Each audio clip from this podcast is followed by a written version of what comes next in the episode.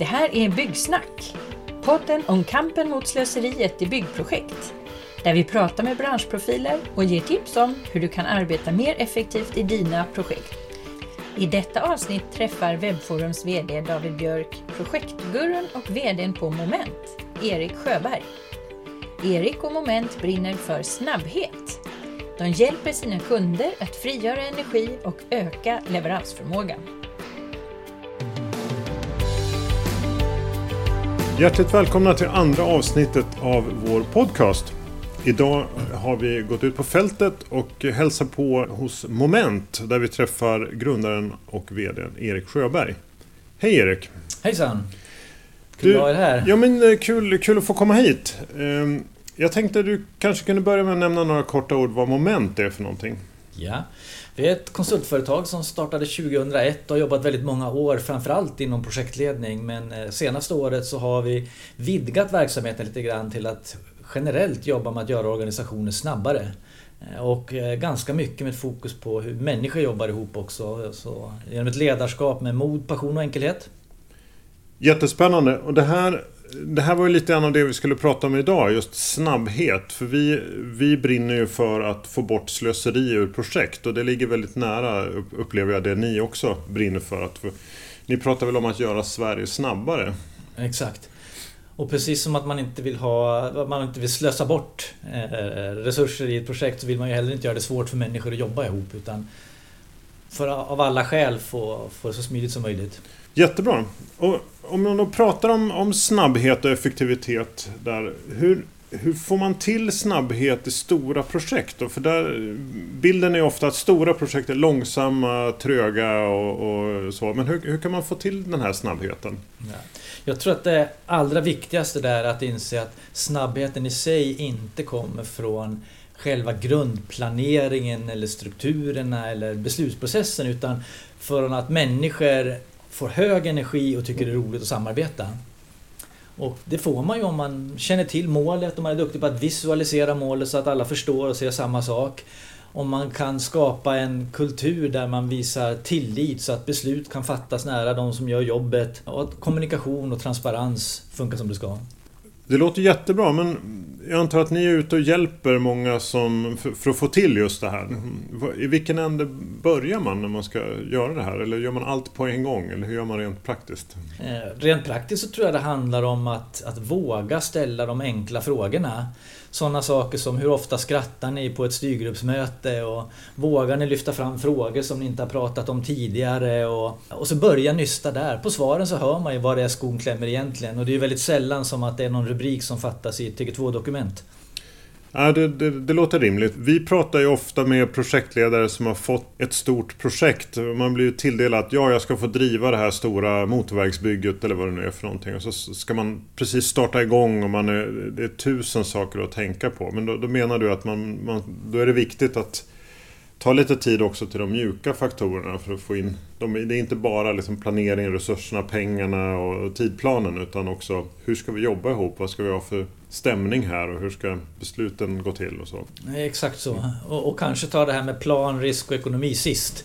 Och börja med vilka är intressenterna till det här projektet och vad tycker de och hur vill de att samarbetet ska fungera? Och börja där för det är de delarna som är viktigast. Ja, det verkar vara förbluffande lätt att missa de bitarna men eh, du vill slå ett slag alltså för att lyfta fram dem tidigare? Ja, absolut. Eh, I byggprojekt så blir ju eh, lätt projekten tydligt uppdelade mellan de olika aktörerna. Det är ju ganska reglerat det där så att det är en byggherre eller en beställare och det är en utförare och så vidare. Så här, hur kan man då få ihop det här till en enhet? Liksom? För att det låter ju som att du är ute efter att man ska få en, bra samverkan och att där ligger nyckeln till, till snabbheten. Men hur får man till det när man är så pass uppdelade och har olika roller på det här sättet. Ja. Det där är ju alltid en utmaning oavsett om det är en IT-organisation i olika länder eller om det är kanske olika entreprenörer som jobbar på en byggarbetsplats som är lite för långt ifrån varandra. Alltså hur skapar man den här känslan av samverkan, gemensamma mål och, och transparens och, och lika värderingar? Här kommer det även in lite hårdare saker som man kanske kan ha avtalsformer där man gynnas av att man har få kvalitetsbrister och jobbar nära ihop under själva projektets genomförande. Men, men även i övrigt kan man visualisera målet på något vis. Kan man ha mötesrum där man träffas eh, och diskuterar, ser varandra i ansiktet och bygger en, en mellanmänsklig relation också. Som gör det mycket, mycket enklare. På byggsidan pratar man mycket om eh, partnering som ett arbetssätt. Det låter som att du skulle slå ett slag för det där man jobbar mycket närmare varandra och, Absolut. sam samarbeta. Om man, man tittar på det här med då, liksom struktur och snabbhet. Liksom, finns, finns det en motsättning här då? Eller, eller är, de, är de kompisar egentligen då, struktur och snabbhet? Eller är de fiender? Vad tror du? För mig är det, alltså, när det är struktur kontra snabbhet, så är det en av alla de motpoler och säga, där man helt enkelt måste ha en bra balans.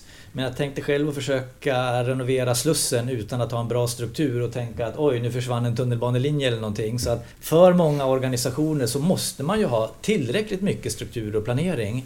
Och för andra så blir ju för mycket struktur och planering bara byråkrati och en hämsko och någonting som gör det svårare att snabbt reagera när saker och ting händer i omvärlden. Så när det gäller det de kompisar eller inte, jag hittar rätt balans för den organisation och den utmaning som, som ni själva är i just nu. Där pratar vi mycket om att, att ha en grundläggande struktur för hur man hanterar informationen men sen att man har ett mer dynamiskt förhållningssätt i, i hur man arbetar att det, det kanske kan vara ett sätt att nå den här balansen. Ja, det tycker jag också. Mm. Och att, att försöka styra organisationer genom att ha bra gemensamma värderingar, tillit ut i organisationen men ändå inse att vissa ramverk och strukturer måste slås fast från början för att stora komplexa projekt ska kunna fungera och hitta ja, rätt balans. Och på det temat då, man, man tittar på hur man följer upp och styr projekt. Så när man pratar om projekt av lite större storlek så är ju ofta pengarna en väldigt viktig aspekt. Och eh, ibland så upplever man att det kanske blir lite för ensidig styrning mot bara ekonomisk progress. Att håller vi bara budget så är allt väl. Så, men hur kan man få in en mer holistisk syn? För pengarna är ju fortfarande viktiga och går vi över budget så spelar det andra inte så stor roll för då har vi misslyckats på något sätt. Hur, har du något råd där som du brukar ge till folk hur man väver in de andra aspekterna. Ja, men ganska många råd kanske det där då. Eh, det, det första är ju att, att inte titta bara bakåt. Och just när man tittar på hur det går ekonomiskt så blir det ju ännu enklare att titta just bakåt. Och man kanske tittar till och med, okej okay, för det första kvartalet skulle vi spendera så här mycket pengar och så gjorde vi det. Men det i sig innebär ju inte att det är bra eller dåligt. Man kanske har uppnått hälften så mycket eller dubbelt så mycket som man borde. Mm. Så att även om man tittar ekonomiskt så måste man ju koppla det till vad man faktiskt har uppnått.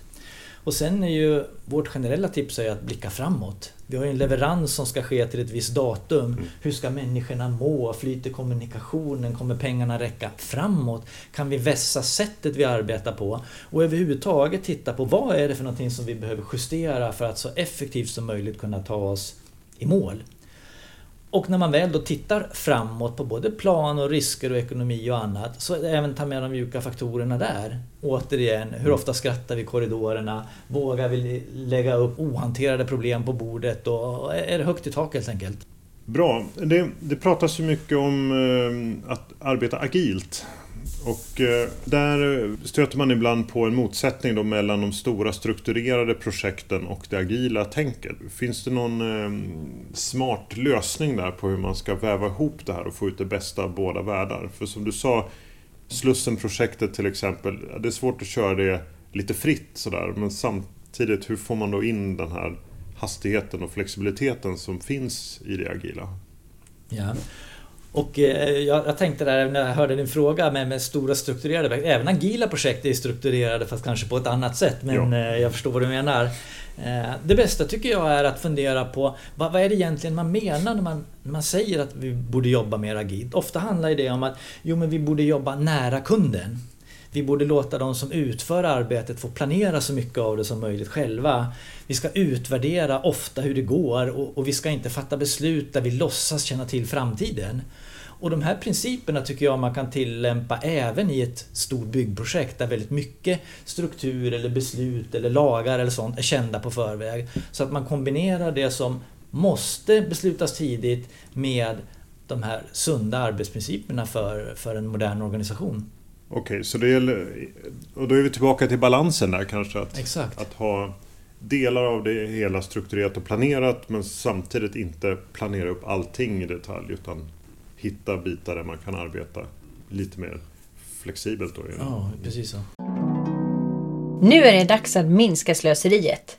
Excel-listor, trassel med oändliga e-mailtrådar kring frågor i projekt och begränsade digitala dokumentplatser. Det finns ett bättre sätt. Testa webbforum och gör projektarbetet mer effektivt och organiserat genom att få en grym koll på din information. Läs mer på webbforum.com. Vi är väldigt mycket inne på det här med verktygsstöd och system liksom för att stötta den här typen av arbete och för att få hastighet och för att få bort slöseri. Hur ser du på verktygsstöd här? Räcker det liksom med en enkel dokumentplats på nätet när man ska samarbeta och dela dokument eller behövs det mer där? Liksom vad, vad är viktigt egentligen att få, få med? Ja. Vi brukar ju ofta säga att eh, om det enda verktyg man har är en hammare så kommer allting se ut som en spik. Eh, och vi tror ju väldigt mycket på att ha rätt verktyg till rätt uppgift. Och är man en liten grupp som alla jobbar i samma rum eh, och pratar med varandra och kan rita på en whiteboard så kanske man inte behöver så mycket mer verktygsstöd än ordning och reda på dokument och annat. Är man olika, kanske underentreprenörer eller man jobbar i olika länder så, så kommer det ju till många andra utmaningar som hur visualiserar man målet, hur visualiserar man hur det går, hur firar man någons födelsedag, eller hur ställer man frågor till varandra när, när det är något som man inte vet hur man ska hantera. Och då ställs det mycket större krav på verktyget än om man satt i samma rum från början. Så Fråga er själva, vad, vad har ni för uppgift? Hur ser organisationen ut? Hur ofta träffas man? Och då får man också svaren på vilket verktygsstöd man behöver. Just det, så lite beroende på situationen då och omfattningen. Så Just det. det. Det, lilla, och det stämmer bra med våra erfarenheter också, att det lilla projektet Ja, absolut en enkel plats att samarbeta lite på medan det större mer stöd för visualisering, övergripande planer, mål och eh, andra saker som kanske inte behövs i det lilla ja, sammanhanget. Precis. Just det. Och antagligen då, eh, om jag tolkar dig här, att, att det behövs kanske också en kombination ibland av flera verktyg för att göra olika saker. Så kan det absolut vara. Ja.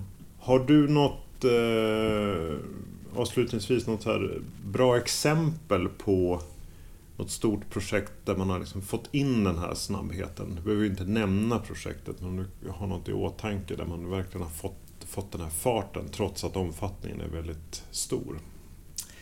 Jo, men ett exempel kan vara ett projekt där vi hade en 80 mjukvaruutvecklare som jobbade tillsammans och inte hade träffats så mycket tidigare. Där vi bland annat genom att införa ut, det här var ju innan den, den agila tiden, där vi hade utvärderingar av arbetet var, varannan månad där alla fick träffas, se varandra i ansiktet, fick förståelse för okej, okay, trots att vi är utspridda över Sverige så är det vi tillsammans som ska åstadkomma det här resultatet. Mm.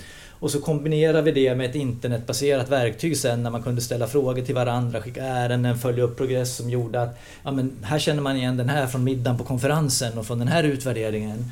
Och så lyckas man kombinera människors behov av att ses och känna varandra med effektiviteten som man kunde få via ett, ett verktyg också.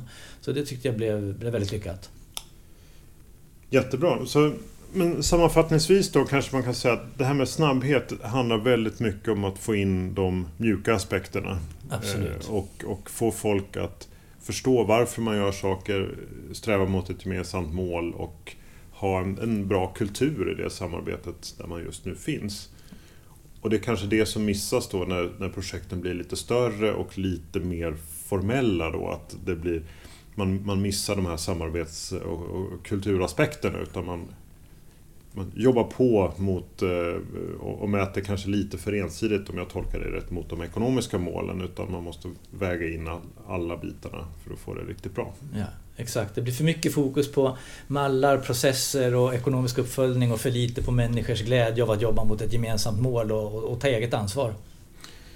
Bra. Och med, med de inspirerande orden och eh, de klokskaperna så eh, tackar vi eh, dig för idag Erik. Det var jätte, jättespännande att prata om det här och vi hoppas se, se dig snart igen. Tack så mycket, vad kul att ha dig här.